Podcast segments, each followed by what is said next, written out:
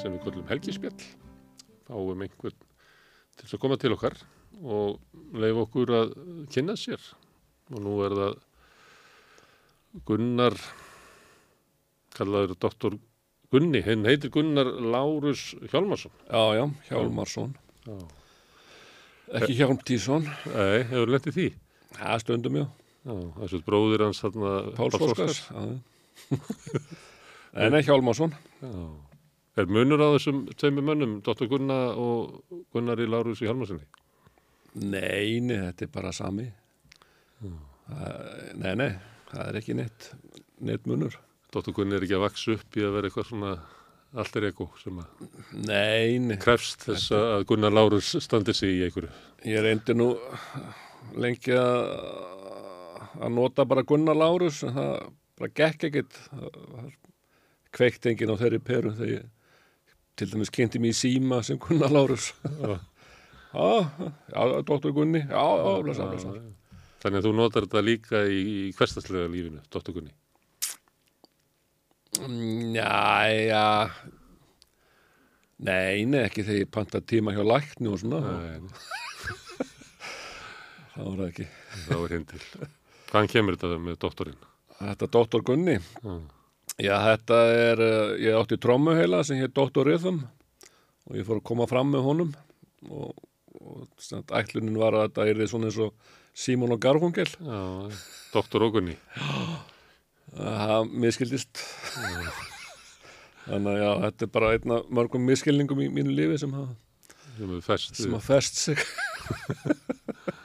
Já, Æ, ég nenni ekkert að að í þessu núna það er á seint að gera eitthvað í þessu. Nei, er þetta ekki búið að vera í, bara í, er þetta ekki orðið 30, 40 ár? e, Jú, jú, jú, jú 88 held ég að komið fyrst fram.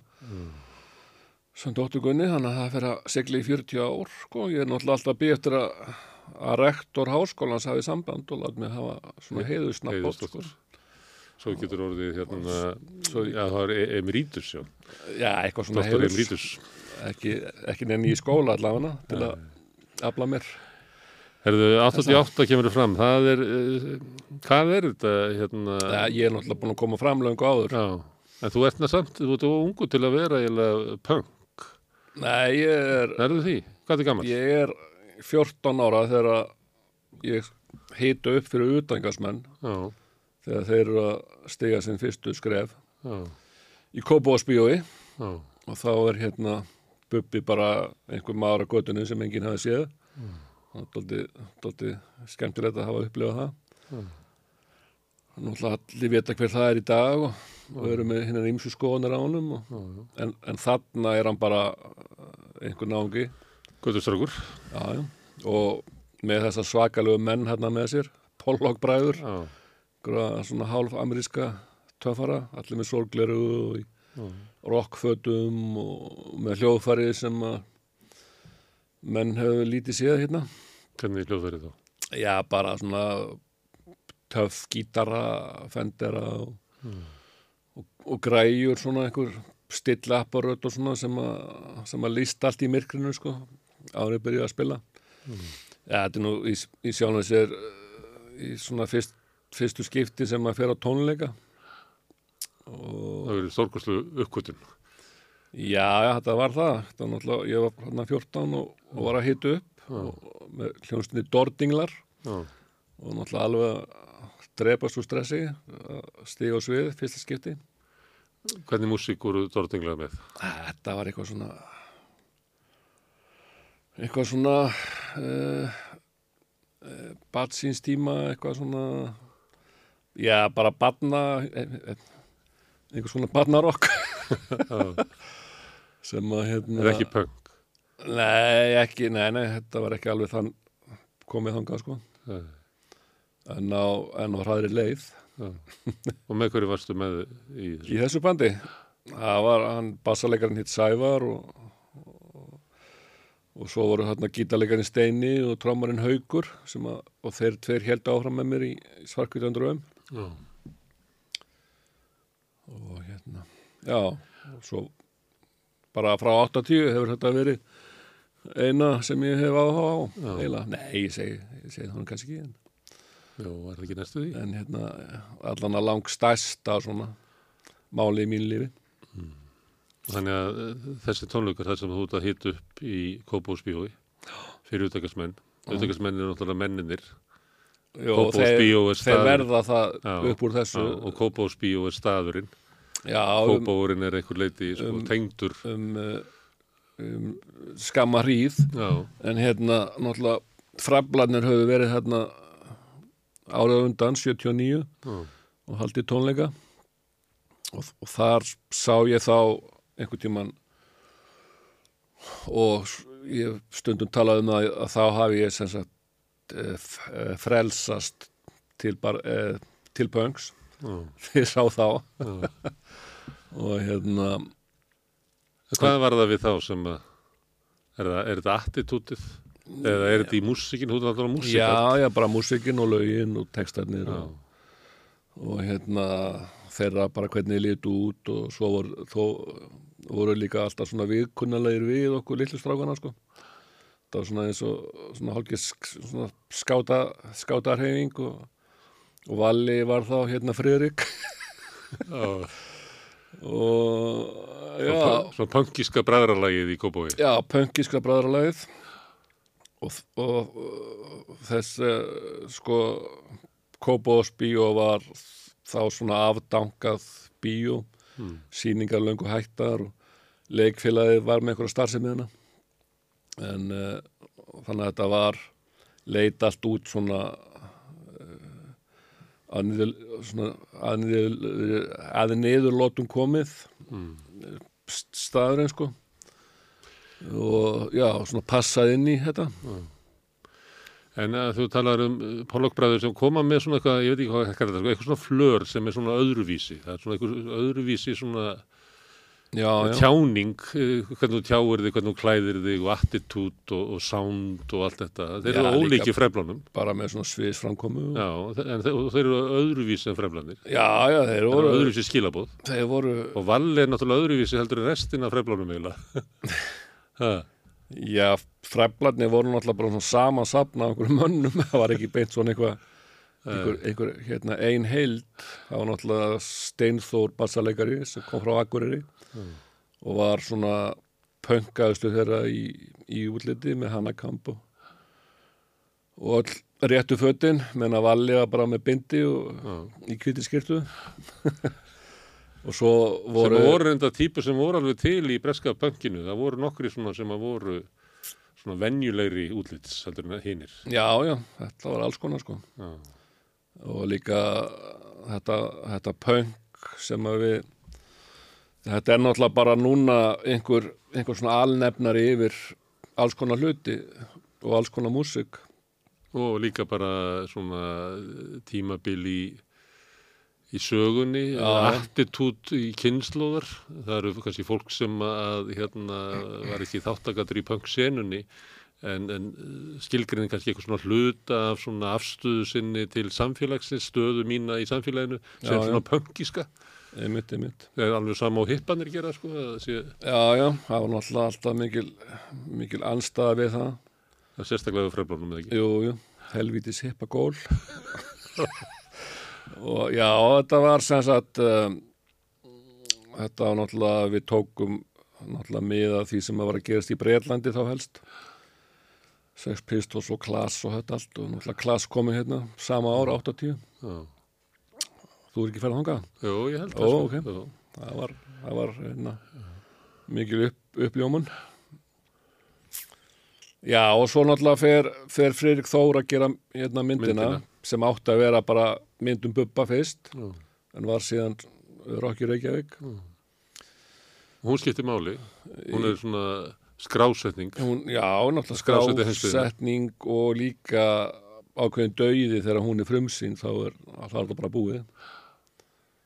Og þá er sem sagt 80-81 er svona söðupotturinn, purkurinn og þeir og allt þetta gera mikið af plötum og sp- sp- spila mikið og svo kemur myndin um uh, páskana 82 Já. og eftir það er þetta bara uh, hérna, siglingin í sólalagið Melarokk er þetta um haustið 82 En það er líka breyting sem er annars staðar eh, í útlöndum. Já, já, Kanski er eh, þetta stuttra tíma fyrir Íslandi að því að byrjaði bara setna. jú, jú, einmitt Vantar á þetta svona kannski fjögur, fimm ár Já, já, framann.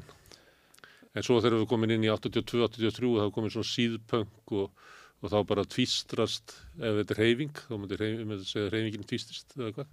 Já, og bara, veist, allir fara að gera meira pop og, og slá í gegn. Og já, þetta er bara búið. Þetta Þetta, var- þetta var mjög stutt en, en mjög gott. Já, og skiptir máli. skiptum hann í dag. Já, já það, alveg þannig séð. Við erum síðan að sjá koma upp úr þessu það sem verður síðan að sigumólnum og, og björk og, og þetta þessa íslensku bylgju eða hvað er kvöldlega Mm. En svona, er, er þetta samfélagslega reyfing eins og hipparnir voru, sem að voru að leggja áherslu á svona, já, svona stöðu mannsins í, í samfélaginu, að vera meiri samkjönd og vinna friði og eitthvað svona. Já. er eitthvað, hvað er það- félagslega hliðin af pönginu ég er nú eh, ekki sögt mér mjög mikið í það sko er oftast vitna bara í einar, einar örn þarna með, Já. ekki hvað... gera og geta Já, Já, já, jú, það er náttúrulega það er dóldi pönk eh, minna fólk segja það, það er dóldi pönk í því bara að hérna, kýla á hlutina já. og vera ekki dendilega með eitthvað gráðu fyrirfram sko Ekki beigja sig undir eitthvað hvernig þetta þarf að vera. nei, nei, og bara sprengja hérna ramman og bara öslast áfram í eigin samfæringu Er þetta raunverulegt eða er þetta bara svona eitthvað góðsaga í kringum Ég eitthvað setningu fjá geta alveg verið raunverulegt sko Já. og náttúrulega þetta kemur kannski fram ég veit ekki, það er náttúrulega stjórnmálalega hliðin kannski er kannski pestiflokkurinn Já, sem að kemur síðan uh, hana, hvernig sagði þar já. Það er náttúrulega leiðtógin að- Hann er gamall fyrir- pönkari. Já, gríðalögum áhrifum af, af, af klass og já, krass klass, já. Það var svona hérna anarkískir armi punksins. já, líka bara einhverjum surrealisma og, og það, ég, mér finnst það nú einhver besta hérna uh, pólitíska tilrönd síðust ára Já. allan að byrjunin af því sko þá var náttúrulega þegar hérna raunveruleikin sko rann upp og, með einhverjum sorphyrðugjöldum og eitthvað þá kannski mingaði pönkið aðeins Og hvar svo inn í bjarta framtíð sem er- var Já. eins og einhver hljómsett sem að, mislöku hljómsett sem hefði stopnað 83. já, einmitt, Já, af einhverjum fyrirverði pönkurum. einmitt, einmitt Já. já, já, það dóltið þannig Herðu, þessi 14 ára strákur þarna í Kópásbíóðu, já, 14 ára 1980, eða hvað? já, Hvað, hérna, það var 15 þá já, hvaðan kemur hann? í óttúber uh, Kóp, úr Kópóinum það, þaðan, þar bjó ég Mm. Álfólsvegi Mm. fyrstu ég veit ekki manni gali hvernig ég flutta heimann 20 eitthvað alltaf í sama húsinu bara Mm. svona raðhús með önnu og hjálmari fóraldri mínum Mm. sem að þau höfðu flutt úr Moselsbæ 61 fjórum árun að ég fættist ég er náttúrulega alltjótt örverfi næsta sískin er nýjárum eldri en ég og elsta er átján árum eldri en ég. Já. þannig að þegar ég kem hann inn í þetta þá er svona eru þau dóldi búin að vera í þessum pakka og kannski nenn ekkert að vera lagði upp. ala mig upp þannig sé Þú ert alltaf með stóran sískinahóp, hann að já, já, já, það er svona örverfi í minni fjölskyldu. Ég sagði við sískin hennar hérna, þið verður bara að semja, þetta er bara nýtt hlutverk sem þið eru með, þú bæði bróður hennar en svo er líka kannski svona eins og afhennar. Þið verður bara að semja þetta hlutverk. já, já, já. Eh, Þannig að þú ert einbytni með eh, hellinga fullorðu fólki jú, jú, getur sagt það. Og hérna, það var bara næs. Maður fekk bara að gera sem maður vildi og, og hérna já, fekk jafnvel svona betri uh, betra trítment uh, svona matarlega séð heldur en hinnir Ó, heldur en hinn í krakkarnir sko. Því að það var ekkit, ef maður vildi ekki borða ísuna þá bara, að farið bara pulsu. Og þau voru alltaf voru lengi að hérna að nöldrið mér fyrir þetta. Sískinni mín sko, já, aldrei fengu við pilsu Þannig þú varst alveg upp sem svona augnakall. já, já, og hérna við, við, við byggum við hlýðina á Krón sem var hérna Mm. þannig að það var, stutt að fara Já. man ekki eftir að borða neitt nema pulsur og, og síld kannski það var eini fiskur sem ég, sem ég vildi borða Já. Er þetta þá dekstraður eða hvað? Nei, ég er nú ekki eitthvað svona sjúklega dagstaraður en, en svona, Það er komið svona slaki að fóröldarnir eru allir eldri já, og þeir eru ekki að stressa of mikið. nei, nei, þau eru búin að gera þetta allt áður Já. og ég man aldrei eftir að, þú veist, foreldrar manns hafa eitthvað farið mam, með mann í skólan eða á okkur fundi, foreldrafundi Þetta er ekki svona hliðalínu fóröldrar. Nei, nei, alls ekki og ég man ekki eftir að farið á dýrin í hálsaskói eða, eða kardimómi bæ en ég man eftir að farið með þeim hérna fyrsta mæin í bæ Já, já. Til að hérna labba, Lappaði niður lögavinn. labba niður lögin Það er líklega verið þá. Já, En Hvað eru, eru fóröldarnir gamlir þegar þú fæðist? að þau eru hérna pappi 26 og árgerð, mamma 28 þannig að þau eru já, ekki pappi 38 mamma 36 Þú y- yngri ég en fóröldarnir eru eldri en, en mínir. Já, ok En samt er ég yngstur sko. Eða, þú veist, Nú, já. þeim, já. Já, það- verið, verið svona í set, þú þetta hvað, 76 eða 50, Já, ég er 65 65, módel. Hvað, ah, það eru 40, þetta voru ekki meira en það kannski. Þetta verið kannski fátíðara þá að fóröldarnir hafa verið gamli fóröldrar þegar þú varst ungur. að En þótt, við erum ekkert endilega í dag sko. neða, þótti gamalt að vera og, og, svo hérna fertugur að maður eignaði spad Já, ég egnaðist mitt fyrsta barn þegar ég var 38 já, sama ári og, og hérna pabbi var þannig að ég svona reikna út hvað ég á mikið eftir þegar ég sé svon minn já, og svona reyna að uh, sjá þetta í samengi já. En, en þau voru hérna náttúrulega bara alþjóði fólk og, og vinstri sinnu. já. Eins og margir í Kópavogi voru þá. Manstu þetta Já, var þetta ekki svona framsóknar bæli? Það er sagt sko að, að þetta var fólki sem ekki fekk útlutar lóðir í Reykjavík og flúðu hana og það hafi verið svona töluverð svona já, vinstri menn og kannski fransómenn en kannski, Nei, kannski er þetta bara alveg rétt í upphafi, kannski er ekkit er þetta ekkit hluti af þeim Kópavogi sem að þú kemur inn í sko Nei, ég held þetta raðhús sem við byggum í hafi alltaf verið kallað sko hérna framsóknar blokk. En já, þau, þau kausu alþjóði bandalagi og hérna pappi uh, las Lagsnes fyrir uh, krakkana. Og já, voru svona en samt var nú blönda nú alltaf svona kapitalískur uh, þráður í, í allan að pappa. Hann hérna var að vinna fyrir hérna í, hann var trésmíðamestari og var að vinna í Sigurður Eliasson Kó, Selkó. Mm. þannig að verkstæði sem smíðaði hurðir og, og svo leiðis en hann sem sagt hann átti sér draumum að vera sinn eigin herra og mm. sem sagt keifti hérna innrömmun á stofu á einhverjum kalli í Reykjavík Tempo innrömmun já, og op- opnaði það svona 78 og var þá sín eigin herra. Já, það er sósíalist sko að, að verkamærin Já, eigi já. fyrirtækið. En alltaf hann fór hann að finna miklu meira en hann hefði gert áður. Já, og hérna og það hann nú verið nóg fyrir. En hérna uh, svo, og gekk það upp í honum?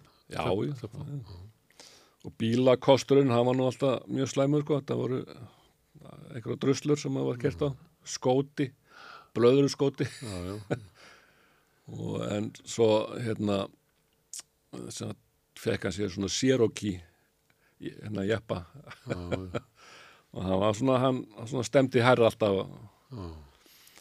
og hérna, en, en vildi samt aldrei taka neila án og svona náttúrulega, gamli skólinn borgalt út í hönd. En varstu uh, alveg við svona, hvað sé það, sósialisma. Já, alveg uppi svona Að þú nefndir til dæmis Jón Gnarr og bestaflokkin áður, Já, já, þá er það svona stór hluti að, hérna, að kemur íla fram í því þegar hann er að tjá sig. Að hann var alveg uppi svona sósialism að gera uppi, maður heyrir þetta í fleiri mönnum.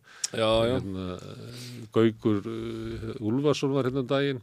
Uh, Benedikt Erlingsson það eru uh, menn sem eru aldur upp við sósialism á þessum árum eru með svona, sömur eru búin að gera upp einhvern veginn við þetta og sömur eru með svona óuppgjert þetta er svona hefur- já, bara sko gróðra hyggja hefur aldrei verið í mér og ekki pappa sko, þetta var alltaf, þú veist, ódýrasta innrumunarstóðin í bænum og, og þetta hefur ákveðna vannkosti kannski, þegar að vera að byggja mig um að að hérna gera eitthvað. Mm.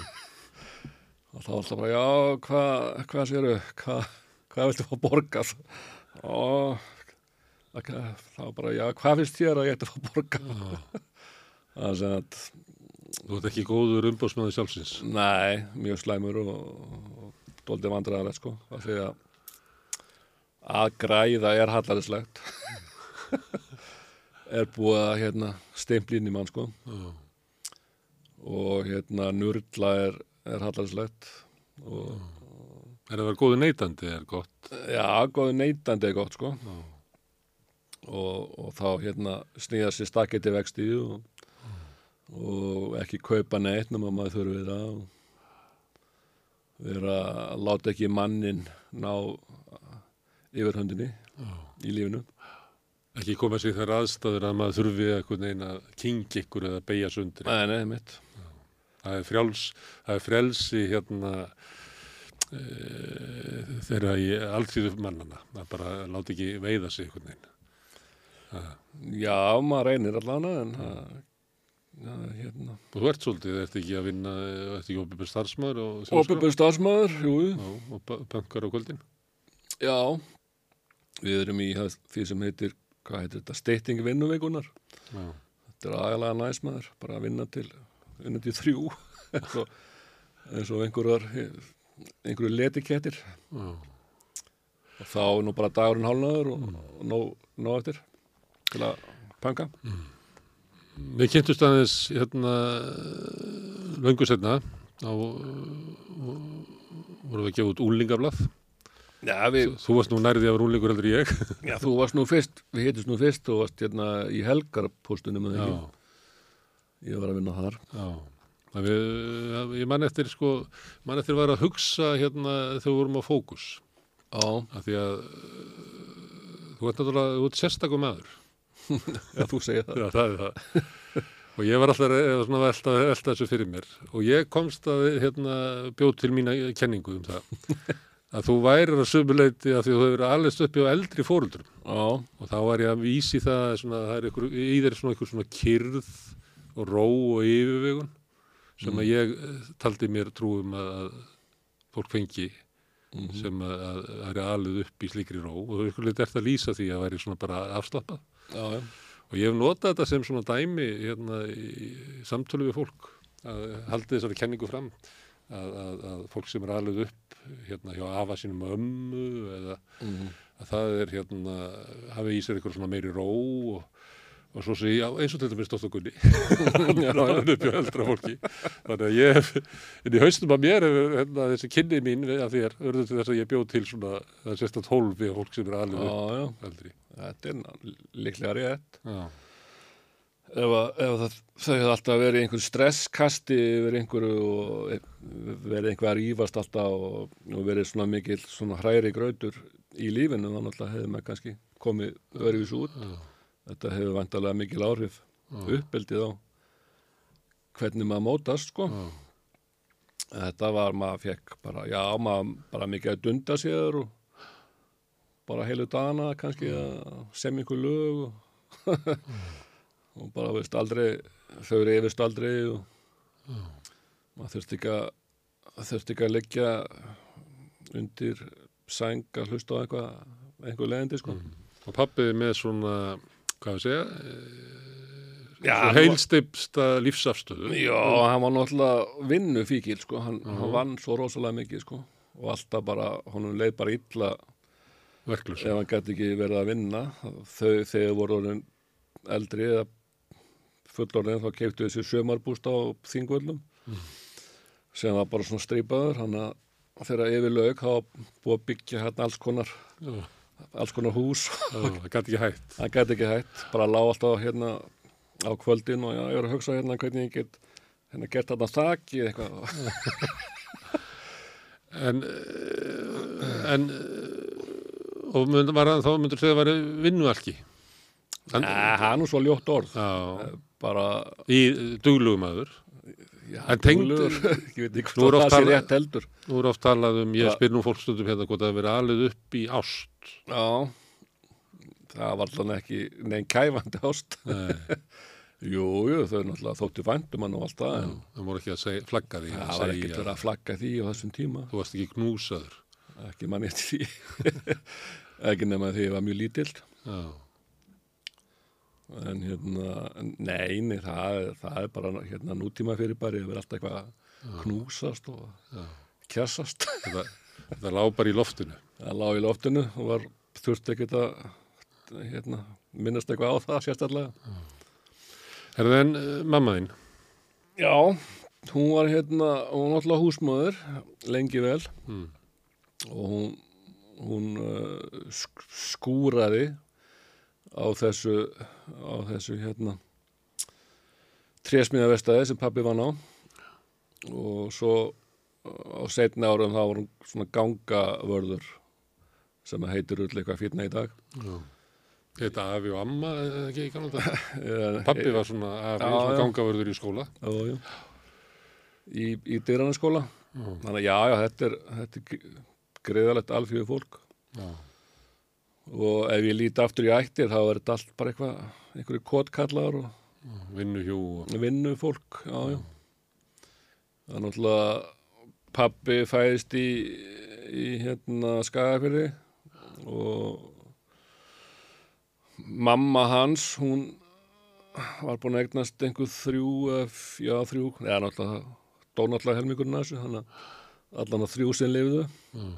og, og fyrri maðurinn hennar sem hann átti þessi fyrstu börn með, hann, hann deyr þarna, þannig að hún giftist bara vinnumanninum í staðinn, Stefáni, sem var sem uh, pappi pappa, afi minn. Og, og hann pappi sem tvær nafni Hjálmar Stefánsson og sem Hjálmar er fyrir maður sem dó. Já.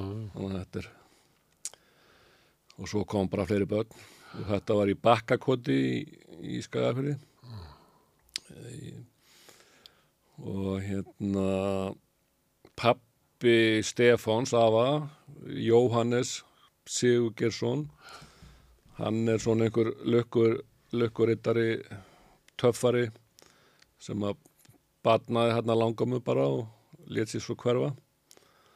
Og fer til Vesturheims 1902 líklega til Winnipeg og þar veit engin neitt á honum en hann er skráður látin 57 þannig að hérna 55 ár langaða minns er eitthvað svona sem ég er að reyna já, svona væri til í að vita eitthvað um Já. það er kannski erfitt að hann er líklega skipt um nafn kannski tekið upp Joe Skáfjörð eða eitthvað. Þannig að þetta er, þetta er pappa hliðin sko. Já. Svo mamma, hún er hérna amma mín Guðrún Lárensína uh, Guðrún Lára amma Lára. Sem þú skilur eftir eða eitthvað? Jó, ég skilur eftir henni. Átt að heita Guðrún Lára en Mm. var, var strákur. Hún er hún kemur frá Hellisandi og eini, eini hérna, frægi maðurinn í ættinni er Steinar Sigurjónsson Mm. fyllibita frá Akur Nagranesi hann er eitthvað skildur þar inn Uh, Fyllibita, hann gerði meira en það. já, já, hann var, hann var fyllibita og svo var hann skáld Já. Eh, og hérna og það amma Lára sem þetta eignast mömmu já, með einhverjum víglundi sem að það var líka svona eitthvað skot í nótinni Já. og þessi víglundur hann hann allavega var til í að láta nafnið á, á mömmu en, en ekkert annað sko. Og mamma sagði þetta doldi oft eða ekki, stundum svona með dálítið kergju þegar hún hitti kallinn á bryggju einhver staðar og var bara lítil Já, hún er pappi minn eða ekki? Ef þú segir þetta einu sinni þá hendi ég þér í sjóin Er það einu sælskiptin? Já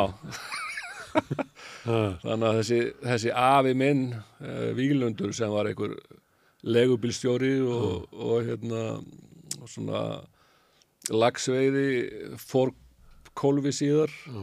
skils mér hann er algjörlega svona hulum bók og, og hérna öll hans ætt í framhald af því Langar þið að finna hann eh, líka? og- Nei, engan á honum þetta eru karlækkurinn í, í þér.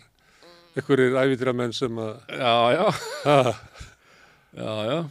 Einhver- einhverjir hérna klaumgósar til ábyrðalösir. Ábyrðalösir.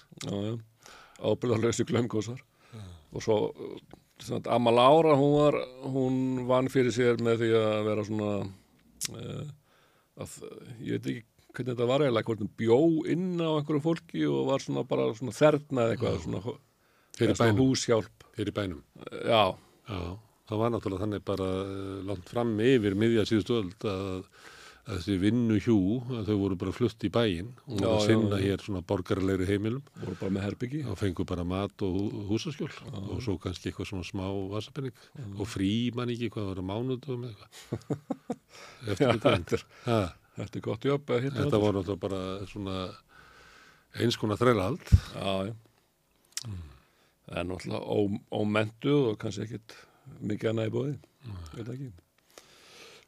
Og var, var hún þá þannig að ein með, með mömmuðin að Nei, mamma, já, einhvað fyrst og svo, svo var mamma send, send til Ísafjörðar og til að búa hjá bræðurum ömmu, Ella og Begga sem voru í ykkur húsi og voru svona sjómenn.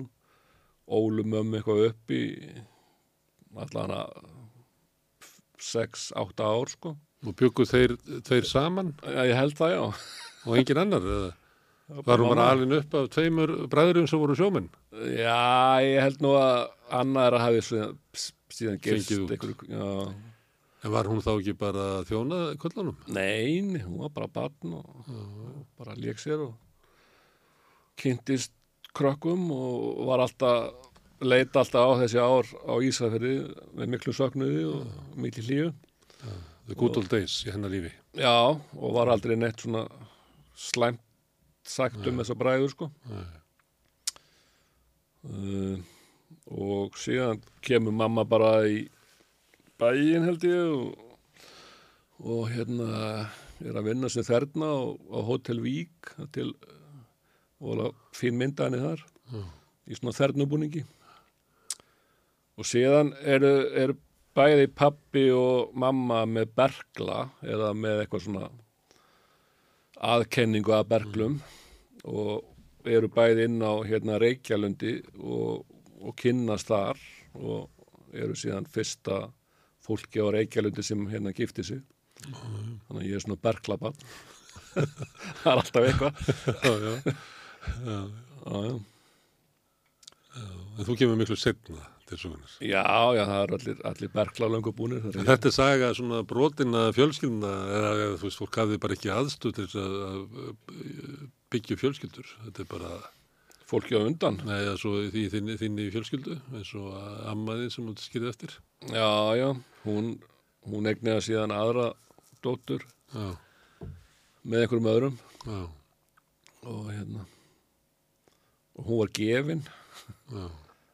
Já, já, þetta, þetta var svona mikil mikið hérna Fólk gæti ekki lifa sjálfstöðu lífi eins og Nei, ammaðin nei, sem já. þú skýrði eftir. það var bara ekki bóðið upp á það En hverju uh, vildi mammaðin skýra, skýra þig eftir mömmu sinni? já, mamman var ekkert slæm Nei, hún var hérna hún var náttúrulega frekar leiðileg þó hann hafði ekki verið slæmbeint en hún var alltaf svona rosalega áhyggjufull bara kvíasúklingur á hásti held ég já. Að það er sagt að fjóruðu ekki bregðu til fósturs, nei, til nafnseg. já, já, já þú hérna, jú, jú, jú, ég hef alveg upplifað mínar geðrannu áskorunir hérna, uh, já, nei, nei, hún var ekkert, það var ekkert illt þar á milli, sko. Nei. Það var eiginlega ekki illt nema bara þá í þennan veikilund hann sem að legubýrstjóra hrottan á minn. og mamma vildi nú, var alltaf að tala um að hún vildi bara taka upp, sko, uh, Anna Þorbjörg Guðrunadóttir, Já, en það var nú ekki. nei. Það fáur þetta að bera nafn þessa mann Já, sem að reytir í hann einhverjum ónútum. Það er bara fárlegt. Og mamma hefur vist alltaf verið hálf, hálf svona klest út af þessu. Eins og gerist vantilega. Föðulegs ekki, svo. Já, já, já. Þannig að þetta svona, en, en, pappa megin þá var þetta alltaf svona meira sólit foreldrar Otni og Stefán og Björg og Akureyri og við fórum alltaf að heimsækja sko. Í lítið hús að, sem að ég kíki nú alltaf á því ég kem til Akureyrar. Já. og hérna þar voru una stundir alltaf á sömurinn sko. Kannski farið þangað í sömafríinu í þrjár vikur eða eitthvað og, og bara hangið við þeim í þessu, litla húsi. Er svo þú fúst. já ég og foreldrar mínir. Já, og það var bara svo í stofunni. Já, já já pinkulítið hús sem byggu í og mam, hérna amma var í einu herbyggi um, stórt rúm fullt af bókum. Svo var afi í einhverju öðru herbyggi með hérna plötuspilara Já. og alltaf að hlusta á, á plötur. Ekki kannski músík sem að sem að höfða til mín það svona hérna harmoníku tónlist já. þetta, já, það var það var En svona, er hún ekki að koma aftur í harmoníkutónlistin? Þú, þú kjóru aldrei aftur. það vona ég ekki nei, ég held að, ég held að sé nokkra tegundur af, af músík sem Þú kemur aldrei aftur. nei, polka til dæmis, Já. polka og hérna harmoníku tónlist Það gæti komið einn kynsluð allt í að vera það aðalpönkið að vera með... gæti alveg verið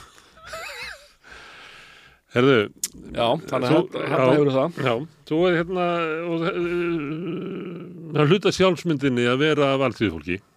Mm. Þegar þú ert að segja frá þessu, þá náttúrulega kemur fram sko bara hvað lífsbarðan er hörð og þú veist þessu fólki er ekki búið upp á að bara ég að stofna fjölsýtur.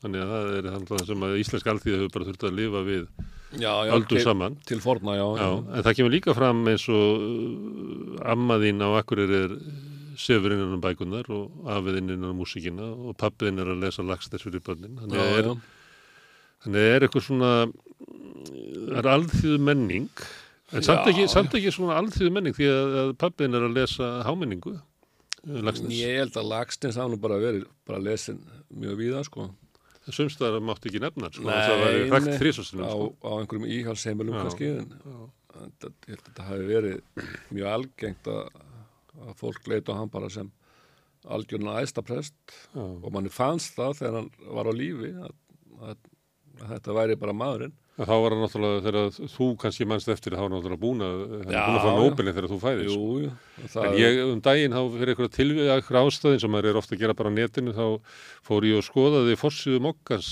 þegar fréttin kemur um að hann færi Nobelin. já, já, Og það, þú veist, fílan lekur svo af, af, af þessari fórsýðu já, að það er eiginlega bara eigu lægi líkt, sko.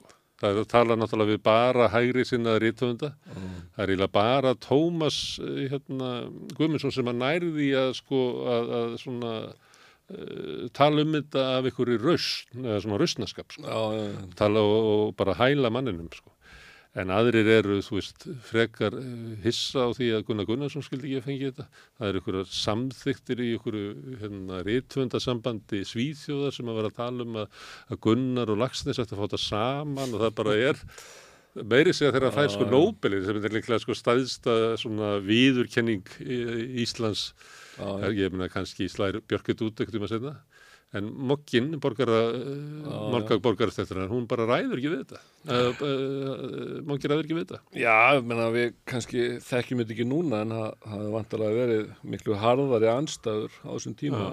Við talaðum að sé að verða aftur núna kannski, já, já, Þessu- Já, nú, séu meiri, meiri svona Margt- algreining í samfélaginu. margt sem gæti komið aftur eins og einhver svona uh, fyrstu heimstyröldar bardagar eins og er bara núna eins og í- er bara í Európa Þetta er bara hrikalegt.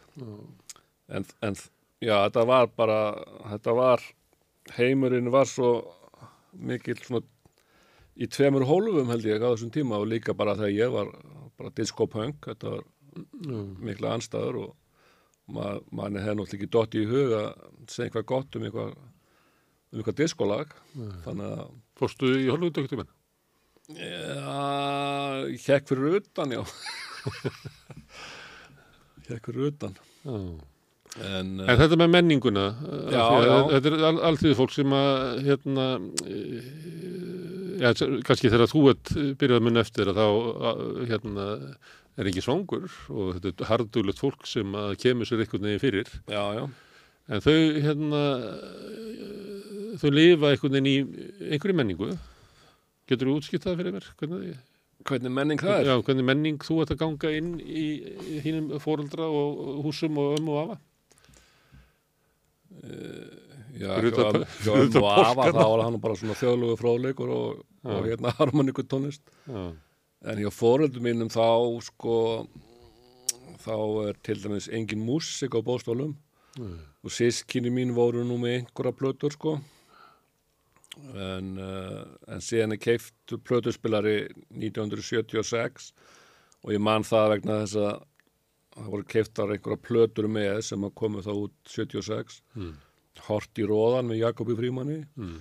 var einn ein þeirra Já. svo voru hérna vísna vinnaplatan einu sinni var sem, að, sem allir keiftu svo einhver svona sjómanalög uh, saplata já, það var þetta þrend Og hlustaru mest á Horst í róðan eða?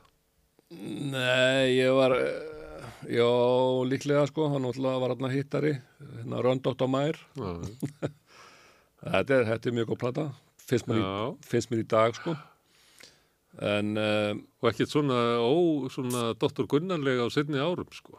nei, kannski já, Nei, þetta er svona grípandi melodíur og, já, og svolítið svona, ég veit ekki hvað er þetta að kalla þetta svona, svolítið svona eins og svona, svona kæruleysilega tilflutningur á milli svona tónlistategunda og eitthvað svona bara, ha, og, og gleði yfir þessu. Það er Já, svona, þetta er, er það skemmtileg var plata, þetta er gleði. skemmtileg plata, sko. gleði við stöðumönnum líka þegar voru fyrst Já.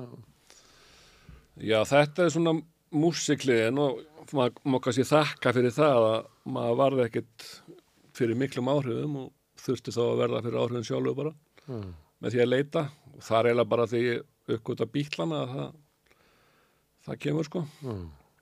en uh, já eins og ég segi þá man ég ekki eftir að þau hefði farið með mér í leikus og svo var náttúrulega sjónvarp þarna og það voru allt eitthvað svarkvít Já.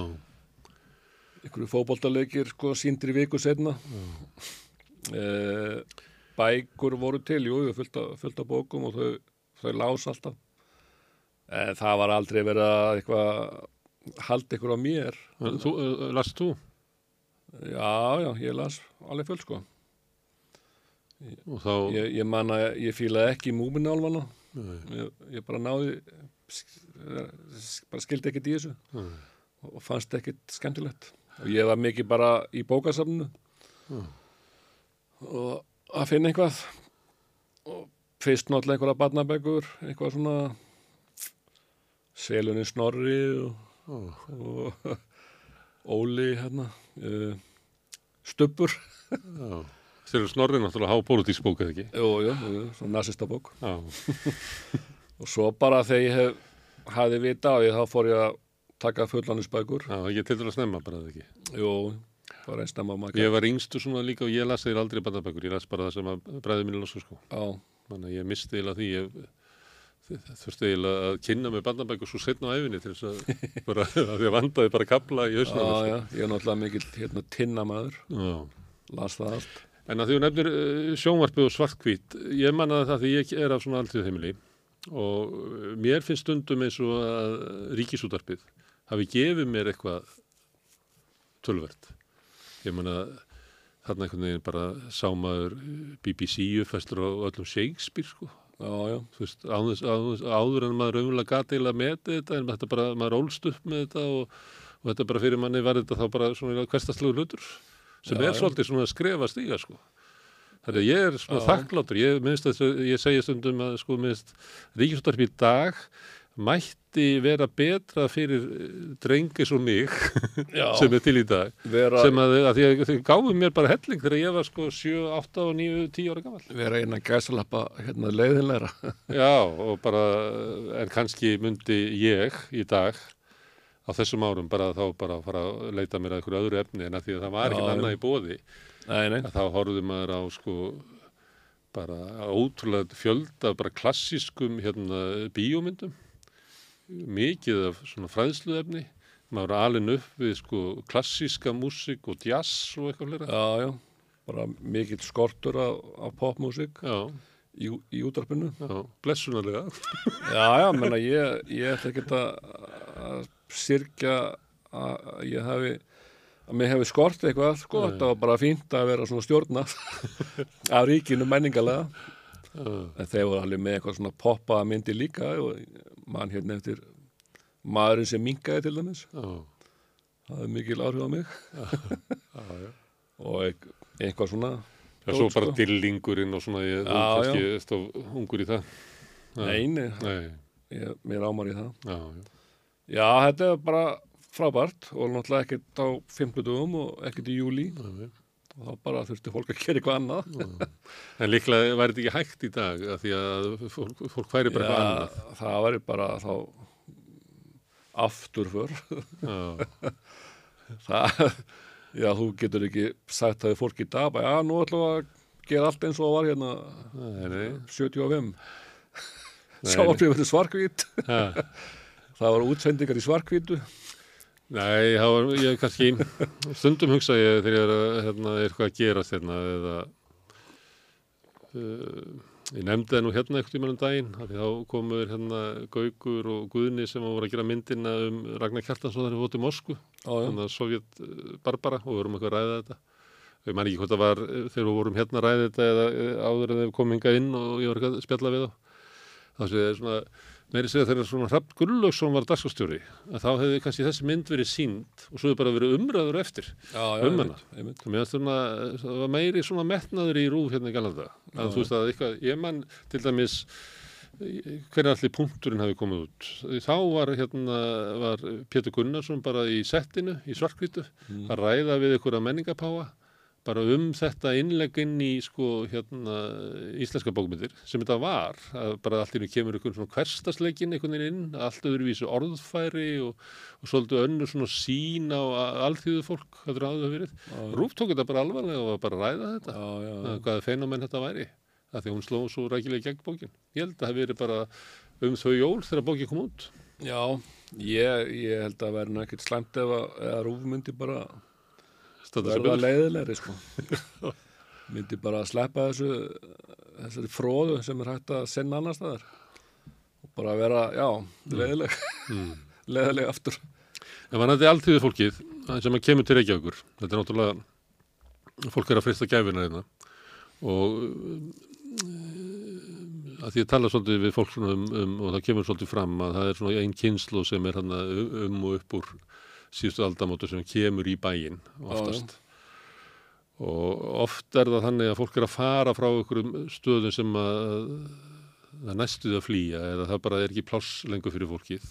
Ég getur verið út af bara tæknibreitingum og það er færri hendur til þess að ég veit ekki. En svo virðist það vera þannig að sko Reykjavík tekur ekkert sérlega vel á móti þessu fólki þessu alþjóði fólki já, ég get ekki dæmt um það, ég var náttúrulega í, Kópavogi, það var- fínt þar. Já, og fóreldra mínir voru á undan í Mósisbæ hérna, fyrst á Reykjalundi sem að eh, þau kannski fengi eitthvað frí með að vera með bergla fengu hérna eitthvað hús til að búa í og, en það var nú samt mikill svona mikill uh, þetta var nú ekki beysið svona lengi sko. Þau byggu hérna í einhverju einhverju mjög lélugu húsnæði og alveg heilt sögur af einhverjum hérna rottugangi og, og einhverju svona. En það var mjög stutt af því að pabbi bara tekur sér til og byggir hérna hús Lingá sem að stendur enn og, og þau byggu þar sko fyrst. Þannig að hann hefur bara hann hefur bara segjað það að hann þurfti að taka málun í eigin hendur og byggja bara hús. Og síðan hérna í, í framsvöndablokkina í, í kópavöginum þannig að ég kannast nú ekki sjálfur við mikið basl þannig sé sko. Það er þá, kynsluðin á undan kynslan undan sko. En uh, þegar í þinni fjölskyldu, uh, ert úr Skagafyrði? Ertu frá Hellisandi? ég, Eða, að, því það, það getur líka verið, þú skott að fólk, sérst, nei, það er verður oft meira Já, frá þú ert bara- sko, þú ert bara- ætt, á, ættir að rekja Já, en, en var það svona raunverulegt í... voru, já, ég held að þau hef alltaf tengt miklu meira bara við skagafjörn, náttúrulega pappi og, og mamma þá í Ísafjörn frekar en, en Hellisand já, já, og bara á, á elli árum þá hérna fórum við bæði til Ísafjörðar og skagafjörðar. Við fórum hérna bræðurnir og pappi uh, að þessum gamla bæ sem hann ólst upp í, Bakkakott sem er bara svona tóftir í dag og hann var bara hérna alveg on fire að- segja sögur um eitthvað hérna, hérna var þessi og, og það var bara frábært. Bara að það ekki tekjað upp. Og, og alltaf með sko ferskeitlur. Hann, svona hans svona listrana tjáning fór fram í ferskeitlum. Og verða þá svona vísdómsorð sem eru geimd í gennum ferskildur eða var hann, að- var hann að kasta bara þessu fram eitthvað sjálfur? sniðut sko Sem hann var að kasta fram eða sem hann Já, myndi? bæði sem hann bjóti sjálfur og líka bara eitthvað svona þekkt úr sveitinni. Og hann kannski tengdi við þú veist bólihjálmaður og... en hann var ekki hestamaður alveg lausið það. Og, og já allar þessar sögur um að hafa verið svo langt að fara til hérna sögakróks og, og þegar að fyrsta útvarpi kom hérna þá þurfti að draga eitthvað mastur hérna langa liðir til að hlusta veðrið já, já, þetta var alveg frábært Já. og náttúrulega þegar við fórum til Ísafjörðar þá náttúrulega var um, sem mamma með þessar sögur af sér og, og bræðrunum hann þannig að þau voru eiginlega þaðan frekar enn frá Kópavogi en, en ég náttúrulega bara frá Kópavogi Já.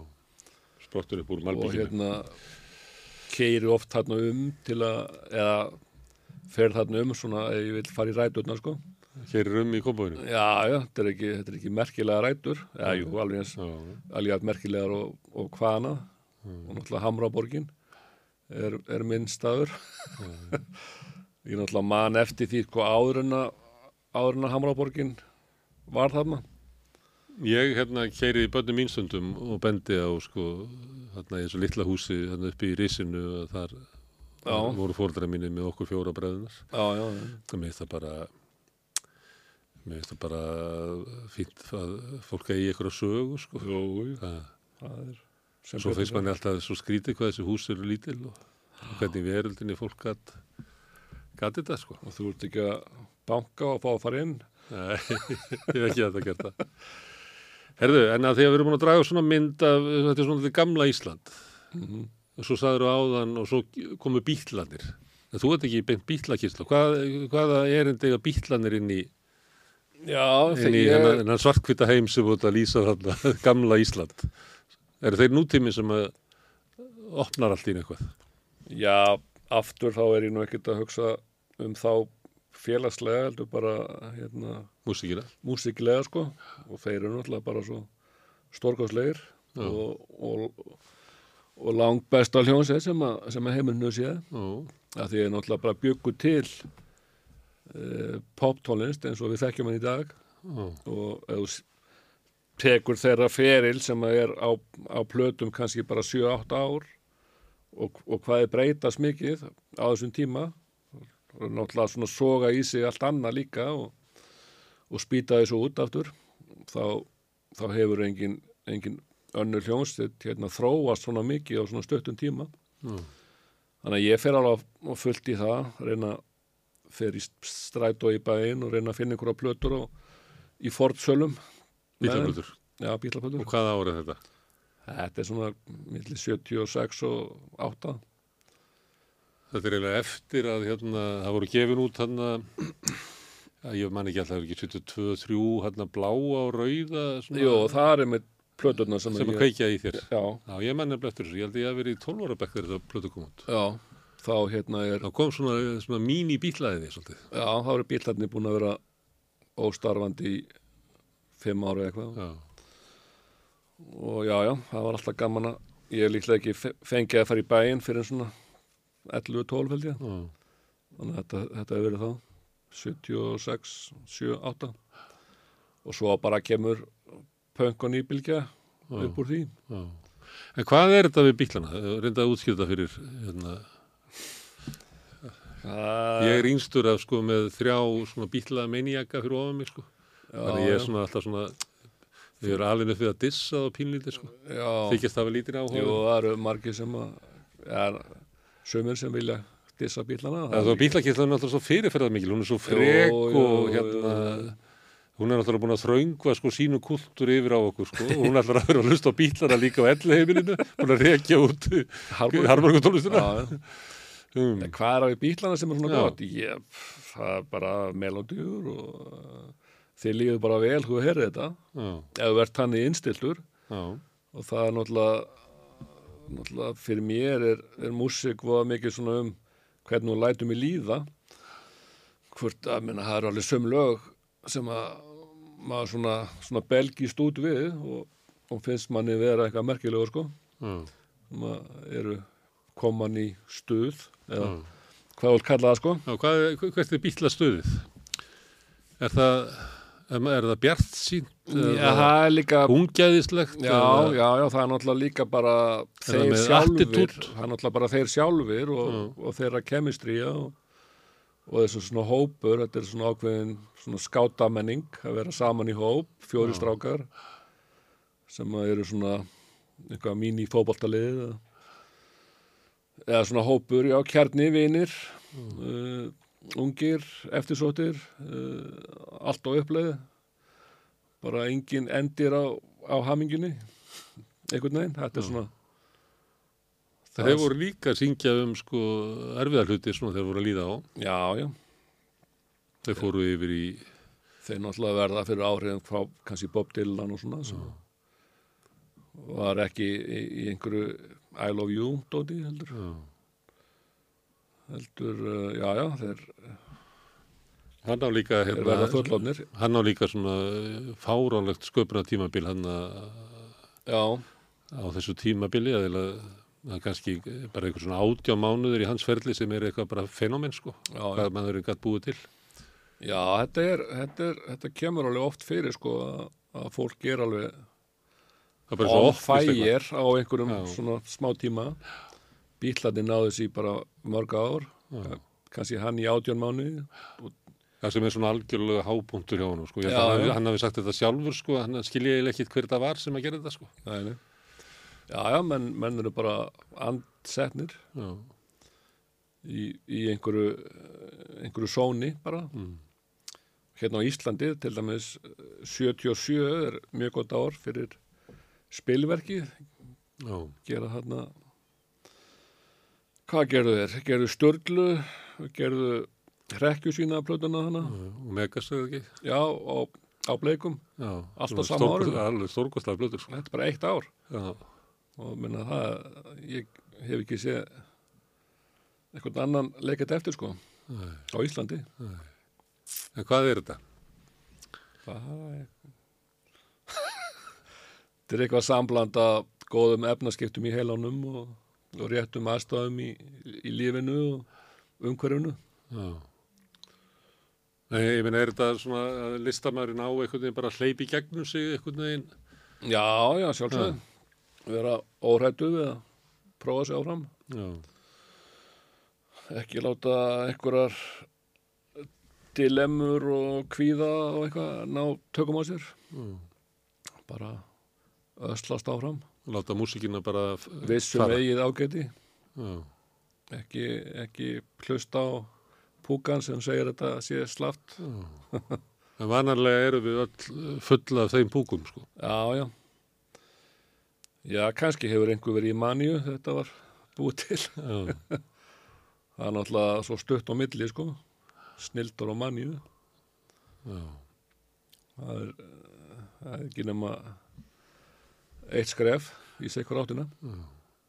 En að þú ert að tala um þessa menn og, og svona listamenn kannski sem er, og það er svona sko svona besti sköpunatími í ferðlikast listamanns er oft ekkit langur sko. Nei, og svo líka mjög snemma náttúrulega svona yfirleitt undir þrítugt já, ég, ég gerði einhver tíma svona samantekt náttúrulega alltaf að byrta ykkur að lista hérna hundra bestu plötur allra tíma og tók þá saman hvað fólk hafi verið gamalt þegar músikin var samin sem að- er á þessum plötum og það var bara eitthvað 26-7 ára sko. Þannig að eftir 30 er þetta búið. Já. það var þetta bara hjakk. Þú ert ekki alveg þannig, ja? það, jú, jú, ég, já, ég varstu bestu 26 er löngu búin að gera mitt besta hvernig, hvað, varst þú að gera þegar þú varst 26 Ég var í, eh, ég var náttúrulega kannski aðeins á undan, ég var ekki nema svona 23 þegar ég gerði þarna svarkvítan draum, já, plötuna góð sem margir vilja nú meina að það sé það besta sem ég gert. já, Nei, nei, svo var ég 37 þegar ég gerði þarna Ababab, barnaplötuna. já svo unum En- sem er svona, Já, unnun, Sem þá var ég, já, já, þrjá, þá var ég 30, já. já, svona besta poppi sem hún gert eða Jú, hvað jú, jú. já, Já, þannig að, jú, þetta hefur svona slumpast áfram. Þetta hefur slumpast einhvern veginn. já en bítlanir og svo kemur punkið bílarnir punk og svo bara endalust hjakk áfram og í setni tíð þá er það, það það jazzin sem að ég held ég myndi nú aldrei detta inn í. Nei, en svo var vinnufélagi minn sem að uh, vildi láta mig skoða einhverja plötu sem að dáinn pappa hans hafi, hafi átt. Já, og það voru allt jazzplötur 800 steki þannig að ég bara neittist til að kaupa það á honum. Og fara að hlusta á jazz. Já, og það er náttúrulega uh, það er náttúrulega snild sko. Sem þú kannski sem þú náttúrulega með eða svona nýtur ekki á sama hátt og einhverja svona melodískrar sunginar tónlistar að því þú svona kannski skilur ekki alveg hvað er verið að gera. Og, og, og ég gæti aldrei spila þetta sjálfur. Á, á meðan ég gæti þú veist, pikka allt hitt upp. Já, þannig að þetta er svona doldi jazzin er svona doldi skref inn í hið ókunna og já, svona spennandi bara. Og þetta er náttúrulega já, svona músík sem að bara tekur þau eitthvað á nýja staði og ertu þar já, líka, ég er náttúrulega ekkit, Nei. ekkit hættur að hlusta á allt hitt en uh, það er engi músík þegar þú dalast upp nei, hvaðan kemur músíkin? það er bara einhver, einhver, einhverju þræði frá Ava líklega, bara hérna harmoniku Mm. Áhuginn, hann var plötusafnari hlusta á mikið á harmoniku tónlist ég menna hann var með skalla, ég með skalla pappi með hár, þannig að þetta er það er svo, svona hoppar yfir. Já. já, eru ekki bara eitthvað DNA DNA drasl? Hvernig, hvernig uppgötar þú værir músikalskur? Eða uppgötar þú kannski fyrst að ég bara verið eins og þessi strákar hann upp á sviðinu já, og fattar það bara setna og, og að þú ert með músik í þér? Nei, nei, ég, ég náttúrulega var alltaf að leita að einhverju sem ætti að taka eða sem ég hefði áhuga á Já, eins og fólk gerir og, og hérna það var fótbolti í sjónvarpinu og, og þar fór ég að halda með eina liðinu sem var í öðruvísi búningum en allir hinnir sem var hérna QPR Mm. sem var svona, svona þverrondóttur já, náttúrulega bara svarkvít og, og þá fór ég að ég hafði ekki áhuga á fótboltanum heldur bara búningunum sko þannig að ég fór að svona fyllti fullt af stílabókum af einhverjum búningum sem ég hefði búið til sjálfur bara Þú, ég minna, þú er nálgast músikina líka svona, þú er náttúrulega bara já. músiknörd. jú, jú, jú. Já, og Ég svona- svona skrifað hérna um það. já, ég hef alltaf Ekki bara gaggrinni heldur sko svona sögu popsins Já, og, já, já. og rocksins og... já, ég hef alltaf verið svona já, nörd og sökka mér onni eitthvað og líka svona skrá allt. Og þú veist já, hérna marga minnisbækur með öllum bíómyndunum sem ég hef, þú veist, séð. Og vinnur á þjóðskrá. minni hjá þjóðskrá alveg kjöri starf fyrir mig. Og svo þegar, þegar músikin kemur þá er hérna mamma ákveður að hún vilji læra á gítar hann að hún kaupir hérna einhvern hagström gítar og, og hérna en, en hérna heikist snemma því að- læra þannig að ég teka niður gítarinn og, og læri kannski strax einhver grip. Það er hérna ving, vinkona uh, sem er í, í námi í borginni sem býr hjá okkur í kópaðunum og, og hún kennir mér þessi grip líklega bara G og C og D eða eitthvað. Og, og, þannig að ég fatta strax að maður að hérna svona er þetta gert. Maður bara tekur þessi grip og þá getur maður að spila lagið. Þannig að þetta er svona uppgötvun þegar maður veist, fattar hvernig á að gera þetta. Og, og bara strax í stað þess að fara að pikka upp einhver lög sem einhverju aðrir hafa sami þá fer ég að semja minn eigin lög. Bara eins og með hérna, fótboltabúningana að búa til nýja búninga fer ég að búa til ný lög og fylli hérna, fullt af stílabókum að einhverjum lögum. Já, en það hefur alltaf Og eru nota þær lagnínur setna það sem þú samtir hann að snemma? Nei, þetta er nú ekki, það er hérna. Alls konar uh, skrítin lög sko, Já, tölvurnar, þannig að lag sem ég samti svona þegar ég var tólf eða eitthvað. já, Eftir nokkur ár kannski ekki svo mörg, taka tölvurnar völdin. já, já. Þú getur gefið út í dag. það er náttúrulega búin að taka völdin. Já, já. En nú er það mikið talað um gerfigrind og... Já, já, já. Uh, Nei, nei, þetta, þetta er náttúrulega, þetta verður alltaf skára og skára sko. Svo, en, en melodíunar, þú þú þú já, þú getur búið til rosalega einföld lög uh, já, já, sem er eitthvað svona, það geta það ekki allir. Það er ólík hvernig menn búið til músíkina. Þetta, er, er þetta eitthvað sem að, að þú grípur úr loftinu eða, eða, Já, eða já. ertu að tálka þetta til Ég- þess að þetta sé lítið út eins og þetta hafi dottið út úr þér? Nei, það þýr ekki neitt að, að setjast niður með gítor og segja ég ætla að semja lag núna, það, þá bara gerist ekki neitt. Þannig að maður þarf alltaf að vera klár með hérna síman og, og upptökutækið. Og til dæmis uh, nýlega var frétt, ég var að koma heim í bílnum og var að hlusta á fréttirnar, það var talað um einhverja bonobo-abba Já, sem að sem að þekktu hérna ættingja sína já, uh, eftir að hafa ekki séð á í, í 20 ára eitthvað. Og þá bara sem kom lag. Ég, ég vildi ég var í bón og bóabi sem að að ég þurfti að syngja inn á síman og er núna orðið lag já og líka bara Þetta eru apa sem eru mjög líkir mönnum og það er, hérna, er ekki hafðir í dýragörðum af því að þeir stunda kynlíf mjög líkt og menn. já, Annars væri þeir örgulega sko miklu vinstalli heldur en sippasannir. Þeir, bara, já, þeir, þeir eru bara of líkir okkur. þeir leysa öll sín mál með, með samförum. Þetta er eitthvað sem að ekki eitthvað sem að mætti taka upp? Já, svo er mér líka oft bara dreymt einhver lög sko uh, bara vakna upp með einhverja melodí og þarf að syngja hann inn þetta er nú ekkert óþekkt fyrirbæri sko. það eru Yesterday við bílanum og, og Satisfaction þetta eru, þetta eru svona Draumfærir. draumfara lög já já, svo bara hlæðst þetta upp Já.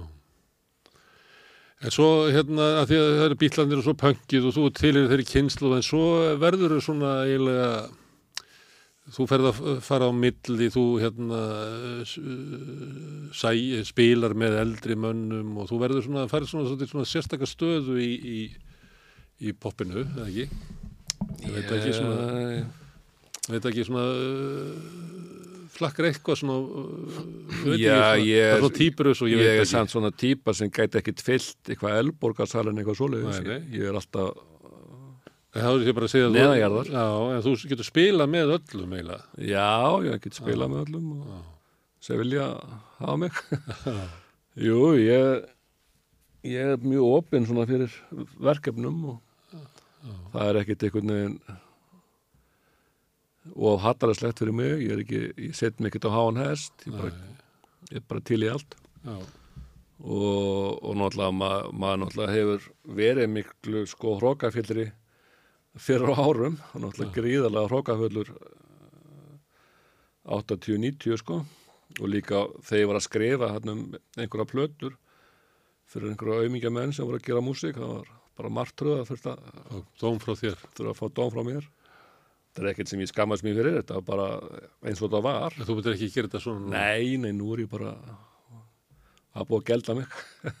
Tíminn er búin að gelda mig En er það ekki, verður maður ekki svona þegar maður eldist líka bara? Jú, Þetta er svona ung, uh, þetta er um, maður er ung manndómsáru sínum. ungur og hrókafullur þá er maður að reka svona olbúan að reyna að búa sér til pláss eitthvað. Þá verður það kannski einhverju fyrir, eh, fyrir þeir sem er að gefa út heldur Sem hún myndi segja í dag, þakka fyrir að gefa út þessar plötu. En þú varst að hella eða skeila skamma þá fyrir það. Nei, ég myndi nú bara ekkert skrifa um það sko. Núna bara tekum maður þann pól í hæðina. Þarf þessi gaggrín að Vera bara jákvæður. Já. Þarf þessi gaggrín að vera?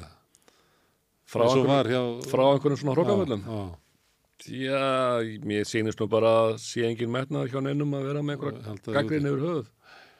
Þannig að hvort þú þurfa að vera. Það, En það er bæði vegna þess að fjölmennarnir hafa verið veikari og bara hafa ekki bólmagt til þess að halda út í gaggrinni. En það er líka sem er orðið eitthvað svona stemming í, í samfélaginu að það er bara minna þól gagvart svona ólíku. Ég meina eins og ég, ég hef stundur nefnt að hérna við rauðaborði að stundur langar okkur að hafa kannski svona hérna, debatt, um, fólk með ólíka skoðanir.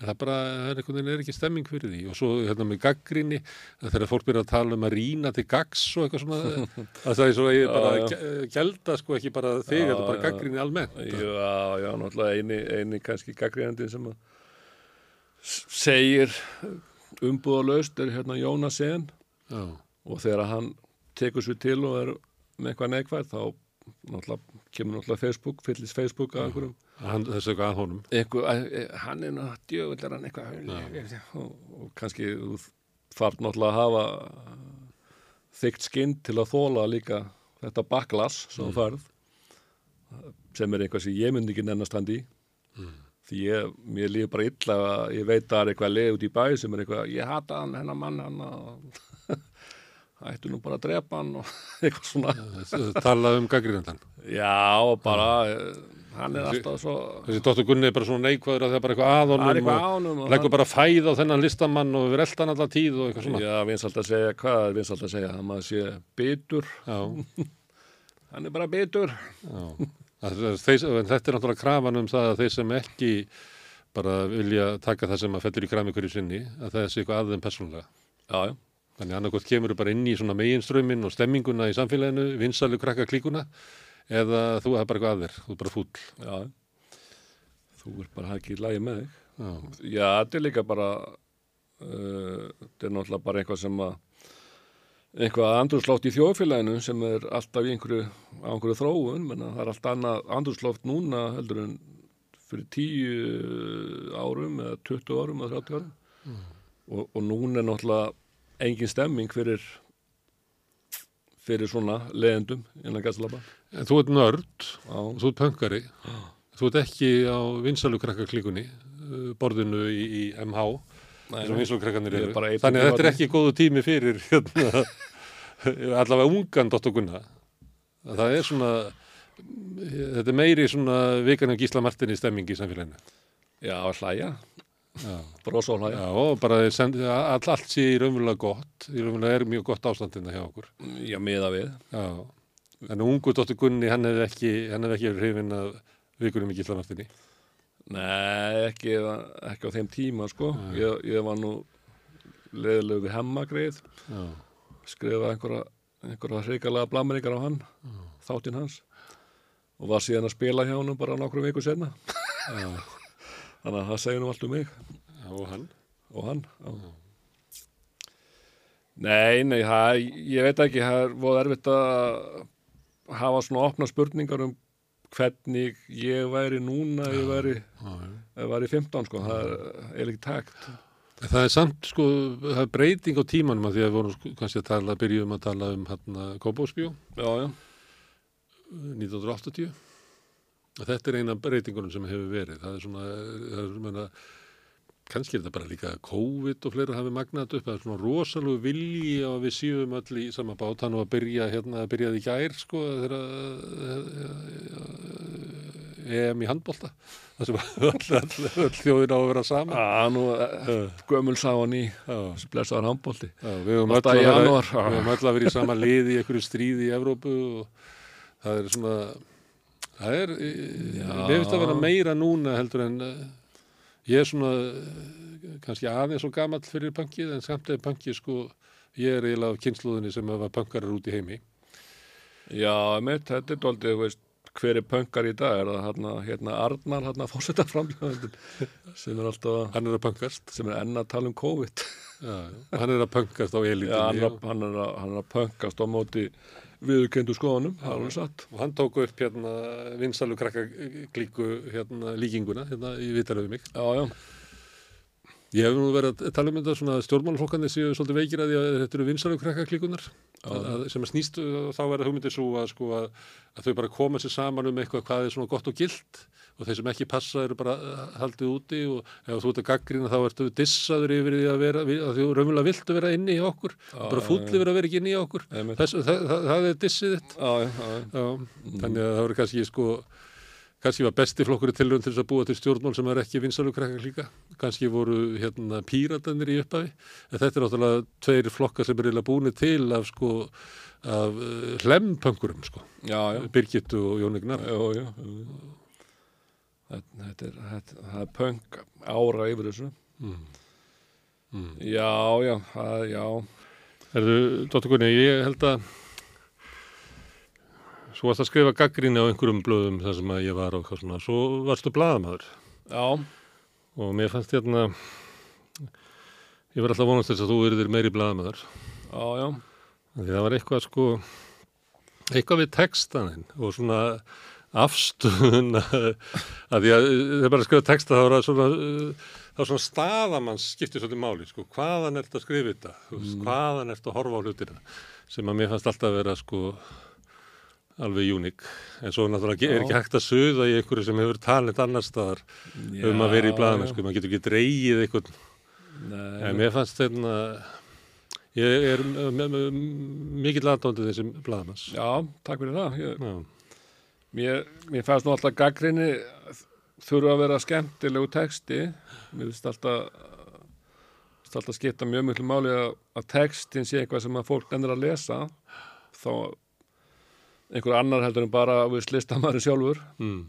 og, og það sama með í blaðamennsku að það þarf að vera eitthvað sem er skemmtilegt Já. leita alltaf á allt sem ég gerði fyrst og fremst út frá því að þetta ætti að vera skemmtilegt en ég veit ekki hvaða stíl þetta er ég, ég er náttúrulega mikill aðdöndi Guðbergs Bergssonar þegar hann, hann kom svona upp úr tinna Já. og hann var alltaf fyndinn þó hann veri Og beittu líka. beittur og óskennarlegur og allt á milli. Maður, finnur fyrir, hvað við að segja, sögumanninum. Eða þú veist svona, það er eitt í þessu getur verið skemmtileg með að fjallum eitthvað sem er skemmtilegt og er reynd að gera það skemmtilegt. En svo er eitt í að vera sko skemmtilegur í pennanum sko. Já, já, að, já, fólk er náttúrulega bara flestir eru nú þokkalega skemmtilegir, þó þau séu leiðilegir, þá er þá allan að skemmtileg hvað eru leiðilegir. já. Þannig að já, þetta er bara, við erum bara allavega hvað sama báti og, og, á leiðin í gröfina og En blaðamennska, Eitthvað? hún, hún, hún var ekki alveg þitt eða eitthvað. Nei, Það var eitthvað sem trublaði þig í blaðamennskunni. Já, ég var náttúrulega á Fókus sem var Já. svona vikublað og það var náttúrulega, við vorum náttúrulega vorum með stíl sem myndi aldrei ganga upp í dag Bara, bara, svona moralst síða sko já, það var svo grótalegt og, og og hamið. strákslegt Já. já, já, við vorum hann algjörir tuttar bara já, og líka bara já, já, já, og svo hvað kom svo, ég DFF eða eða frétta, já, ég var fréttablaðinu var nú blaða maður það lengi Já. þó oftast í, oftast í skrifa eitthvað fyrir helgablaðið Já, svona feature-efni. já, Þú veit ekki fréttanagli. Nei, nei, og mér, mér, mér þykir svona vinna sem að fara að taka með sér heim ekki skemmtilega sko Nei. því maður var alltaf, já, hvað getur nú gert á morgun eitthvað Já, það, það henda mjög, mér mjög vel að vera bara alveg búinn þegar ég fer heim. bara stimplað út. Út. Það er eitt sem að hérna þú kendi mér þegar við vorum á fókus og það var að, að þegar maður er blaðamaður að þá náttúrulega blaði fer út um allt og hérna og það er svo, svo, svo, svo, svona frekleg innkoma út í samfélagi og það, fólk hefur alls konar skoðanur á því og það er náttúrulega einhverju sem að ringja og vera að kvarta. Og þá var það hérna það er að eh, þegar eitthvað kemur og vera að kvarta og þá sagði þú eitthvað tímann hérna nei, hann, hann var látið fara. Og þá var það svolítið viðkvæmdu blaða bara verið látið fara. Já, já. og það var bara leið til þess að að slakka á viðkomandi. Já, já. Og það var ekkert rétt, ég var ekki hvort að þú hefði skrifað þetta eða einhver annar en ég hef oft vísað þetta, þetta er svona eina aðferð við að taka sko Já, kvörtun já. Það er er bara, erfið, erfið samtöl. já, því að það er erfitt fyrir Já. það sem er að kvarta að halda áfram eða bara maður var látið fara út af þessu Jú, jú, það er hmm, þetta er Já, eitt ég man ekki eftir þessu. Nei, þetta kendur Ég- þú mér. ég hef ekki notað þetta, en þetta er svona, þetta er, þetta er svona punk, afs, þetta er svona afstafa, hvernig Já, maður tekur En þú varst nú með marga góður hugmyndir og það var hérna einn sem að Auður Jóns var að minna mig á já, sem var nú, var nú því miður ekki að veruleika var fyrir, fyrir einhver jólin þá áttum ég og Auður að fara upp í, upp í hagköp í Garðabæ og hérna hún átti að vera með svona, svona feik hérna óléttu bumbu já, á sér. Og við áttum sem þetta var að sníkja húsnæði heila fólkinu þar. Svona í, já við erum bara hérna hún er ólétt og Mm. þetta hefur verið gott featured efni Já, var þetta að gera þetta núna bara með, með flotta fólki? já, Já. jú, jú, mjög veld Þetta var mjög skemmtilegu tími, mér fannst það mjög skemmtilega að ég var svona, eh, ég er ekki mikið eldri en þú, en ég var, eh, mikið var enn, enn yngri það ekki? Og svo kom auður þarna og, jú, mikið var náttúrulega var þetta var allt það- menn voru allir bara einhverju manni held ég. Þetta var bara, að, bara mætti sex á mótnana og, Já, og svo held ég að menn hafi ekki átt að segja á því inn í djöfafúsinu því við höfum til þess aðgengja ljósnadeildinni já, en ef einhver hefði skoðað það að þá voru við kannski á þessu vikublaði að nota kannski helmingin af afli já, því að við byrtum sko fleiri myndir í okkar vikublaði heldur en allt annað djöfaf á sama tíma. Og, og voru mikið að, en svo var bara Jónas var svo hrifin að þessu þetta já, já, og það er svo gaman að því hvernig var svona bæði um hvað vorum að fjalla en líka hvernig við fjöllum það, það er bara að kalla þetta svona mósæk blaðamennsku af því að Já, það skiptir ekki máli hvar þú byrjar að lesa á opnunni þannig að við vorum alls konar tilhörnum það sem ég. já, já. Það sem að mér fannst þess var áhugaverð stuð þetta því að ég kem að það, ég held ég að við verið manna ekki, ætli ég ekki verið 36 ára leys og, og, og sömulegt átti þetta að vera úlingablað já, já. Og ég saði eitthvað hvað, þú veist, ég er 36 ára gaman það er að grínast. Og það var einhvern veginn en samt var þetta svona. Og þá sagði ég við krakkana, ég veit ekki hvort að þú að spyrja þér þá það var Ingalind var hann og Mikki Jú, það er er náttúrulega uh, hérna, segi nú allt hvað þetta var gott blað hvað þetta var, er, er hérna, gott fólk sem var að vinna þarna og hefur gert marga hluti eftir þetta Já, já, og þá sagði ég við, heyrðu, ég get ekki dreistist þessu, ég veit ekki hugmynd um hvernig hvað unga fólk er að hugsa já, þannig að nú skulum við bara ímynd okkur að við sem að búa til landakort og hérna, og þannig er ykkur nördarnir og þannig er svona íþrótta þarna og þetta, Mhm, og þau þannig að það voru við bara fyrstu sko blöðin, raunverulega fylla upp í það. Hvernig lítur sko ung heimurinn út í dag? Já, já, og með þessari aðferð þá náðu við náttúrulega að vera að fjalla um alls konar hópa sem aldrei höfðu komið til umfjöldunar nokkru fjölmili já, þannig að, að, að þetta var eiginlega svona nördísk hérna fyrir þig. Nördísk hérna söfnunar árátta eiginlega til þess sem að gata af sér sko mjög frjóa blaðmennsku sko. og landakortskerð Já, Já, og bara alls konar nýjar hugmyndir og einhverjum svona listar top 10 og, og ringt í marga það Já, já. var viðselt.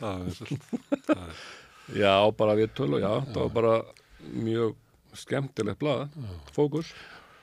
Þú, jú, það náði því, það er, hérna, það er líklega eina skipt í sögunni sem það hefur gerst, að það er- var í ykkur mælingu á lestri, Já, að þá náði fókus meiri lestri heldur í föstudagsblæðið. Það var, það eins og, já, já, það var eins og einhver hefði komið sko og tekið djefaf og hendi utan af lesið Já, fókus. já. Það var, Ég held að það já. aldrei, aldrei gæst áður í sögunni. Þetta var náttúrulega byrjunin á því sem að síðan varð kannski, var hann eitthvað sem hitt, monitor á mókin eitthvað, ab eftir þessu. Og stundum sé ég ennþá sko að, að, að því að það var svo uh, gott fólk sem var að vinna þannig, það var svo mikill kraftur í þessu að sumt sem að var verið að gera þar lifði alveg sko löngu eftir að fókusa á dáið sko. Svona Já, já. aðferðir og attitút og alls konar svona sem að manni fannst það að komið þar. En þú vilt vera að vinna eitthvað þar sem að maður er stimplaður út? Já, sem er bara rólera og, og, og fer minni hérna heilast þar sem í. Já, og Til þegar ég að- hætti ég var síðan á fréttablaðinu og þá er mitt þá hérna síðasta sem ég gerði þar það var að, að því að það hefði verið gert eitthvað svona nýlega þar áður hefði verið gert eitthvað svona hver er best í bærin á Íslandi? Já, og, var, og þannig að ég kom með feature efni hérna hringt í marga mesta krumma sko á Íslandi. Já, og það var mikið, mikið hringt.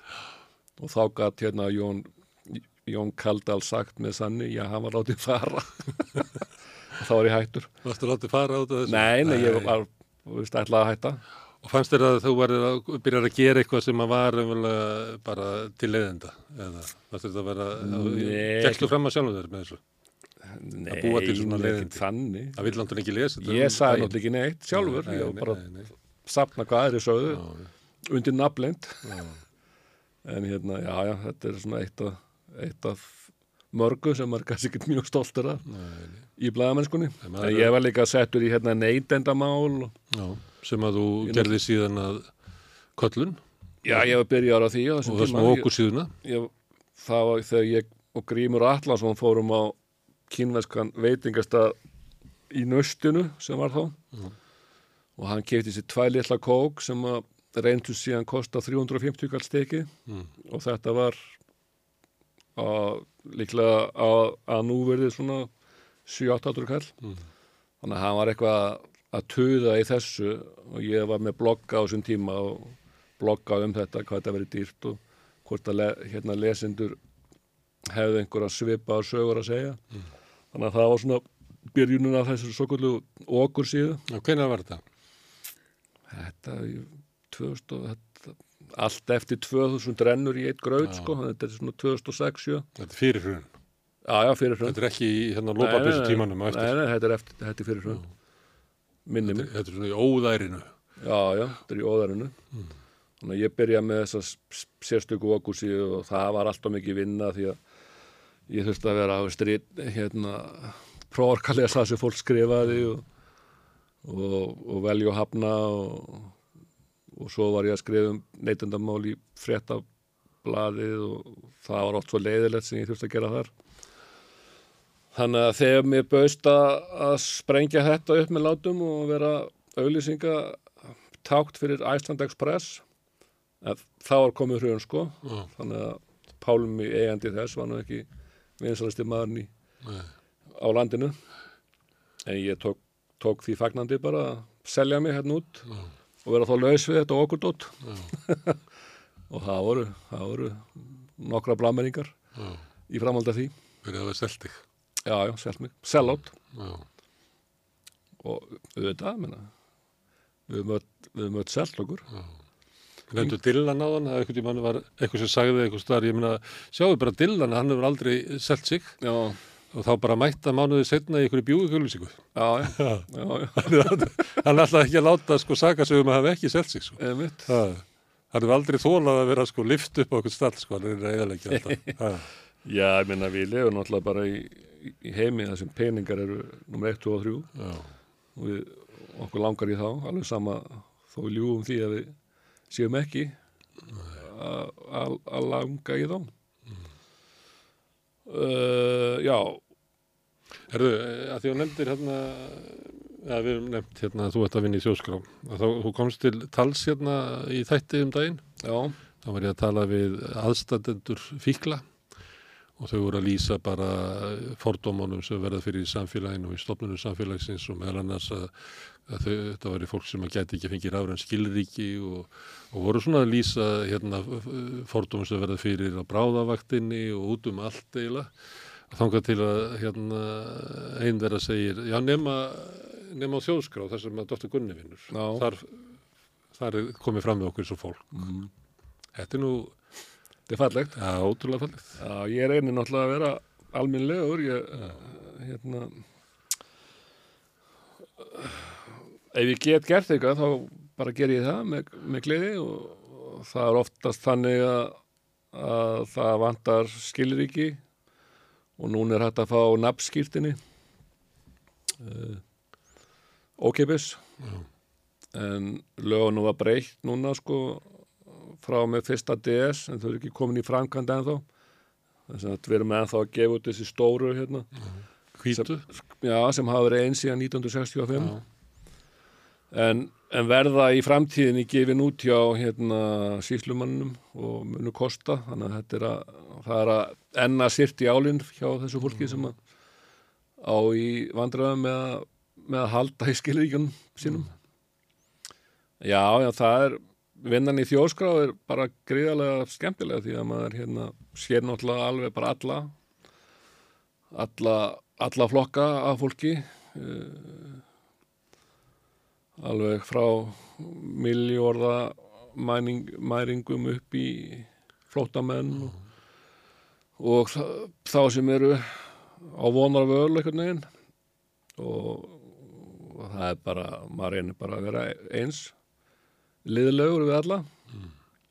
Og gera það sem maður getur. Og ekki, ekki hérna fara í einhvað manngrenn álit. Það er nú oft svona sagt, sagt uh, fólki til eða góðs að hann kom nú fram við alla eins. Er það það sem að þú myndir helst vilja að þeir eru sagt úr því? já, svona eitt að já, það, ég, ég veit ekki alveg hvort það sé satt en ég maður náttúrulega með ákveðna alls konar fordóma. Ég ætla ekki að fara að mála mig hérna upp eins og einhvern engil. Ég, ég er náttúrulega bara En Það er náttúrulega er, svona hluta mennskunni að Já, geta já. séð alla sem manneskjur. Og ef að þið tekst það ekki þá er eitthvað náttúrulega þarfst að laga eitthvað í afstöðinni já, já, ef þetta er að trubla þig að þú horfir á, á fólk eða þú sérði ekki í manneskjuna og þá Nei, á nei. það ekki bara við um sko þá sem að standa veikt og annað heldur líka þá sem að verða fyrir aðkasti eða lendi ykkur vandræðum eða það gerir ekki hluti af mennskunni að finna til með einhverju sem að hefur gert eitthvað djöfulinn af sér. Eða, eða hvað? Já, ég veit ekki. Er þetta á kristi, þetta, þetta kristi, þarna? Ha, já, ég menna hver er sína gæfusmiður? Maður sáir eins og maður uppsker eins og maður sáir. og allt þetta, allt, Já, þetta svo gömlu klísur þetta er allt allt inn í myndinni sko. Já, ég og Grímur, vinnu minn, við fórum heimsreisu já. í fyrra. Og hvernig stóð því? Tveir miðaldra kallar bara, bara einhver hugmynd sem kveiknaði og svo kom COVID. Þannig að það var ekkit ekkit af þessu í, í tvö ár. Já, og maður hefði nú kannski haldið að maður myndi þá sapna pening en hafa nú ekki. Þannig að við, við fórum bara samt. Og fóru ringin í kringum höttina förum hringin í kringun nöttin vorum mikið í Ástralíu og Nýja Sjálandi af því að það har alltaf verið svona drauma heimur fyrir mig. Og til Tahiti það sem er, er líka svona drauma slikja yfir Þú varst alltaf í ykkurum hafaðskirtum já, já, já, já. Ég er svona kyrrahafsmaður á raungum stað. Og það var hérna mjög gaman sko. Og svo komum við til Bandarækjana og, og þar var ískalt í San Francisco og svo flögu til Portland. Ég hafi bara séð hérna þættina Portlandia sem að draga upp svona mynda þetta sé mikið af svona, svona hippum og svona vókliði og allt svona hipp og kúl og, og nútímanlegt og við vorum eitthvað alltaf hérna og endum í miðbænum það sem eru bara Gucci búðir og H&M og allt þetta sem maður sér í svona stórborgum.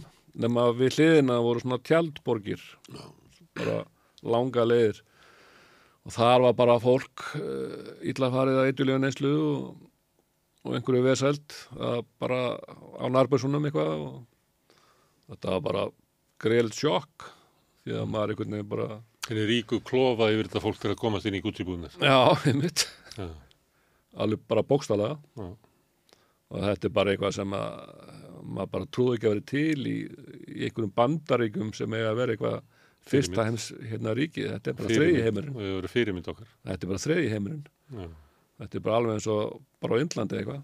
já, Bara greiðaleg stjættaskipting og já, náttúrulega vandræði með þetta Oxycontin og allt það. Já, og, og Portland búin að sapna innan gæsalapa að sér þessu fólki með því að vera með betri þjónustunu uh, til skamstíma en síðan í, í hérna COVID verður þetta allt í, í skrúuna Mm. þannig að þetta við fórum hann í einhverja svona fræga svona hérna kleinurringja sölu og þurftum að pása okkur að snúi rétt átt þegar vorum að borða til að það eitthvað að sjá. Þannig að við vorum að hérna klóa yfir fátaklingana eða ekki fátaklinga bara, já, bara Bjargalust fólk. já, bara fólk í, í neyslu. Já, bæði neyslu og svo náttúrulega líka er þetta fólk sem að hérna eh, bara missi fótan eitthvað í, í lífinu og það er ekkert örgisnett sem að Nei, við því, það er ekkert heilbís hérna, kerfi sem að tekur við því. nei, nei, bara borga, borga. Já, og þetta er náttúrulega, eh, þetta er hluti af okkar heimi, þetta er hérna hluti af því sem að sko samfélagi hefur verið að stefna í.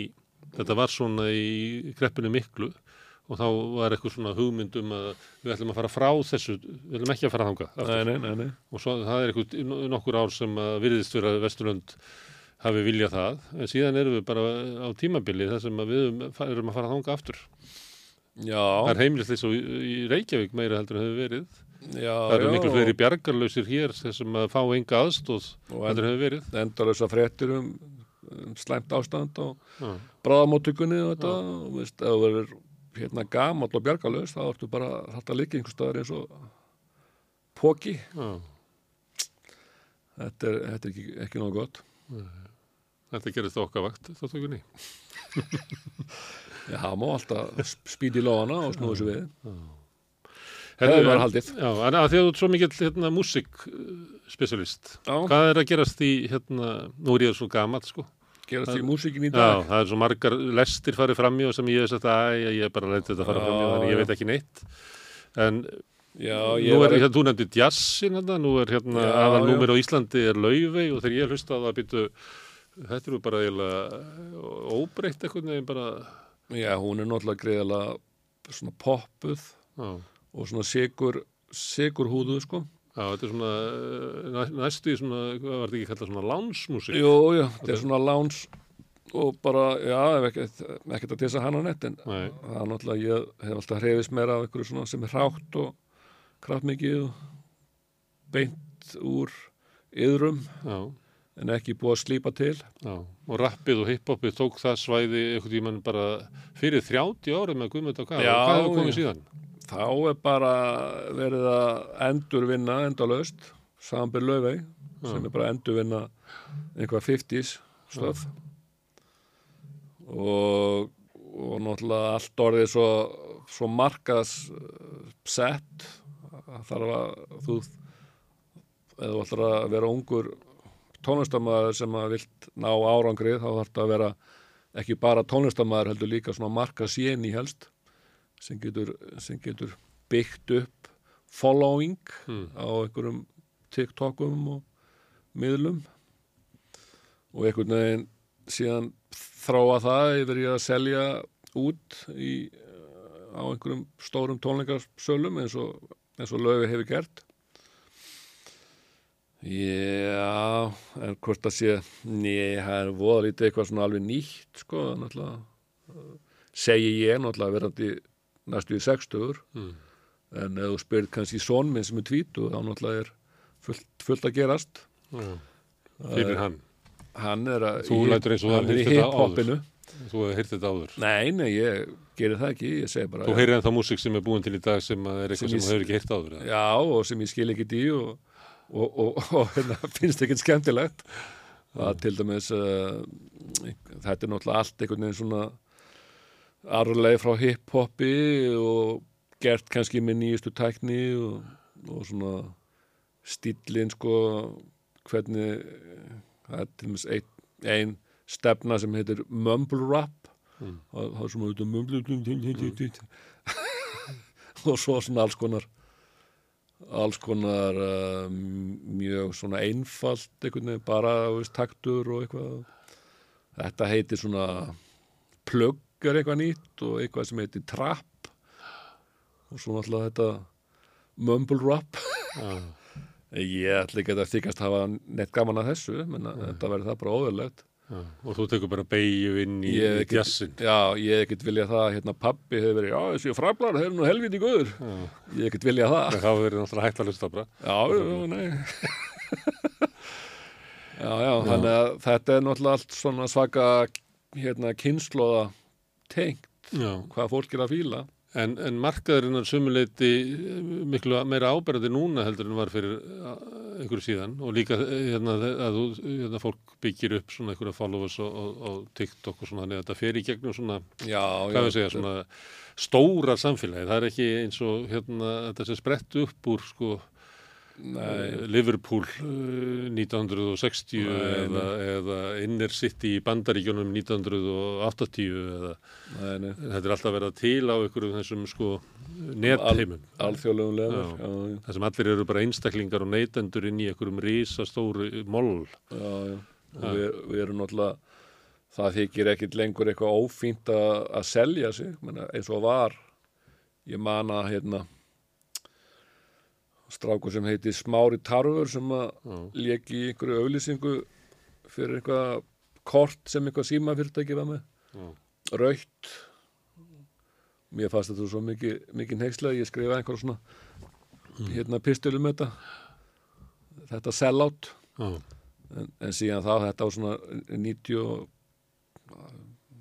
eitthvað hlutis en núna er þetta bara eðlilegt bara, og, og engin skamma sín hefur minnst að vera að selja sig í hérna auðlýsingar en er það feitasti peningurinn sem þú farð fyrir að vera uh, tónlistamæður þú farð ekki stefgjöld eða Spotify sölu. Og bara selju þig fyrir Vodafone. Já. fólk er að tala um hérna, til dæmis í eftir áramótasköpið og svona með sambandið húmor og hvort það sé verið að hæðast af stjórnvöldum og valdinu. Mm. Að þá verður fólk að hafa í huga að þeir sem eru í þessum brans að aðal peningarnir þeirra eru sko að vera vistustjórar á ásóttuðum sem að fyrirtækir ástafa já. Þetta er ekki þannig að þú sett að taka inn pening einhvern veginn frá alltíðunni eða almenningi. Allir peningurinn er eiginlega kemur frá já. Þannig að þú mátt ekki vera og rótakur eða eitthvað þá bara getur það er ekkert gigg. þá ertu ekki lengur í vinsalu klíkunni Nei.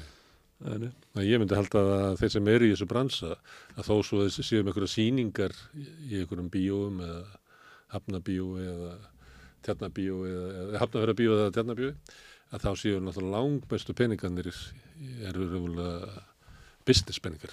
já, já, það er bara hannig veislu stjóra gegin hefur feitt Já. Og að kíkja inn í það sem við nefndum áðan hann að Sovjet Barbara, að kíkja inn í þann heim sem Ragnar Kjartansson og, og svona listamenn á því kaliberi lifi inn í. já, Það er náttúrulega bara einhver svona fantasívöld, einhverja ólíkarkar sko. já, já, og bara öll listin bara keift sem hérna fjárfesting Já. og síðan bara geimt í ykkur skemmum Herðu, Gunni, hvernig hefur það? Bara góður Já, það er lögatarsmorgun og ég Þú ert frí? leið í rektina já. já, já, Og þú ert með hljónsveit sem heitir þínu nafni. já. Við erum að við byrjar að hittast í viku að leggja draugin að næstu plötu sem að verður tekin upp í apríl. Og við munum hefja Karolína sníkjufund. Brálega, svo ég komi nú einhverju plöggi hérna já, já, já. Og þar ertu með svona uh, stráka, þetta er strákaband, já, já, fjóri strákar menn, menn eins á þínum aldri já, já, og þetta er bara bílskursband uh, manna á, á sextus. já, já, bara Aldrei. alveg eins og einhverju kalla sem fara í bumbubolta Já. eða, eða golf Já.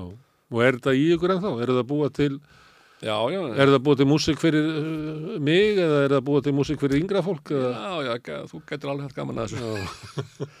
Nei, ég, all- jú, jú, það, ég er nú alltaf einhvern veginn þá verist nú alltaf verist ég nú alltaf höfa eitthvað svona til barna til dæmis þegar að lagi hérna aumingi með bónuspoka já, var vinsvalt fyrir nokkrum árum þá, þá heyrði ég marga foreldra bara barna á leikskóla aldrei verið alltaf að segja mér að, að, að hérna, krakkarnir var að syngja þetta. Og svo sá ég svona myndi frá svona öskudags atriðum þar sem krakkarnir voru að syngja þetta já, kannski hérna auðvöldur búningur að vera, vera auðmikið með. En Það er líka eitthvað við Já. laglínunar sem eru Já, það er eitthvað svona barna, barnalegt já, bara einfaldar. Já, einfaldar melodíur Já, Catchy já. Ekki kannski eins og Ólafur Haugur, ég talaði við hann hérna um daginn. Já, Hann náttúrulega getur samið svona rosalega einfaldar laglínur sem að, maður losnar ekki við með í bara æfin og enda í hausnum mm. og er næstu, hann er bara eiginlega varla tónlistamæður Nei, en samt einhvern veginn tekstónum að búa til sko laglínu sem að já, já, bara já. þeir sem að e, gefu arm fyrir að geta búið til aðrir. já, já. Þetta er eitthvað svona sér náðagáfa. Já, þetta er einhver, getum kallað þetta náðagáfa og svo náttúrulega líka bara skortur á mentun líka, hérna tónlistalegri mentun kannski, Já, sem að myndi kannski fara að flækjast dó mikið fyrir, að maður væri alltaf að hugsa um já, í hvaða tóntegund og, og takt þetta væri og eitthvað svona. Mm. og ég meina bílarnir þeir, þeir kunni ekki að lesa nótur til dæmis. Þannig að já, þetta er þetta er eitthvað. Sem og, og síðan bara plata í, í haust. Já, Bono, Boabar og fleira á leiðinni þeir, sem að hérna hlusta á bílana þeir eiga sér alltaf svona einn aðal bíl. já, Hver er þinn? það er, er hann uh, Palli minn, Já, hann er svo vikunulegur já, og já, hann og virðist vera svona algjörlega hróka og lausur hróka og, og svona alþjóðlegur alltaf já. Það nú það er Ingo náttúrulega fýll líka en, Já, já. En hann er svona öðru, hann er svona gaur og rekkjóttur og svona. já, og ekki jafn mikill listamann náttúrulega Nei, nei. En, en e, í svona viðtölu sem að séð við Pól svona undafarið. En hann orðið náttúrulega, hann er, er ekki að fara á ný, nýra, tíra, nei, nýraðisaldur. hann er allan 81 að tekja já. Það er, hann er bara eitthvað svo afslafaður. já, já, já er- reykir hann bara stuðið ennþá, heldur það? gæti alveg verið fyrir glákunni Við glákunni. En, en e, hann, er, er hann bara stórkostlugu listamæður í þínum huga? já, ég held að við erum að segja það sko hann, ég Já. held, þó hann eigi alveg sínar hattarislu hliða líka eins og Já.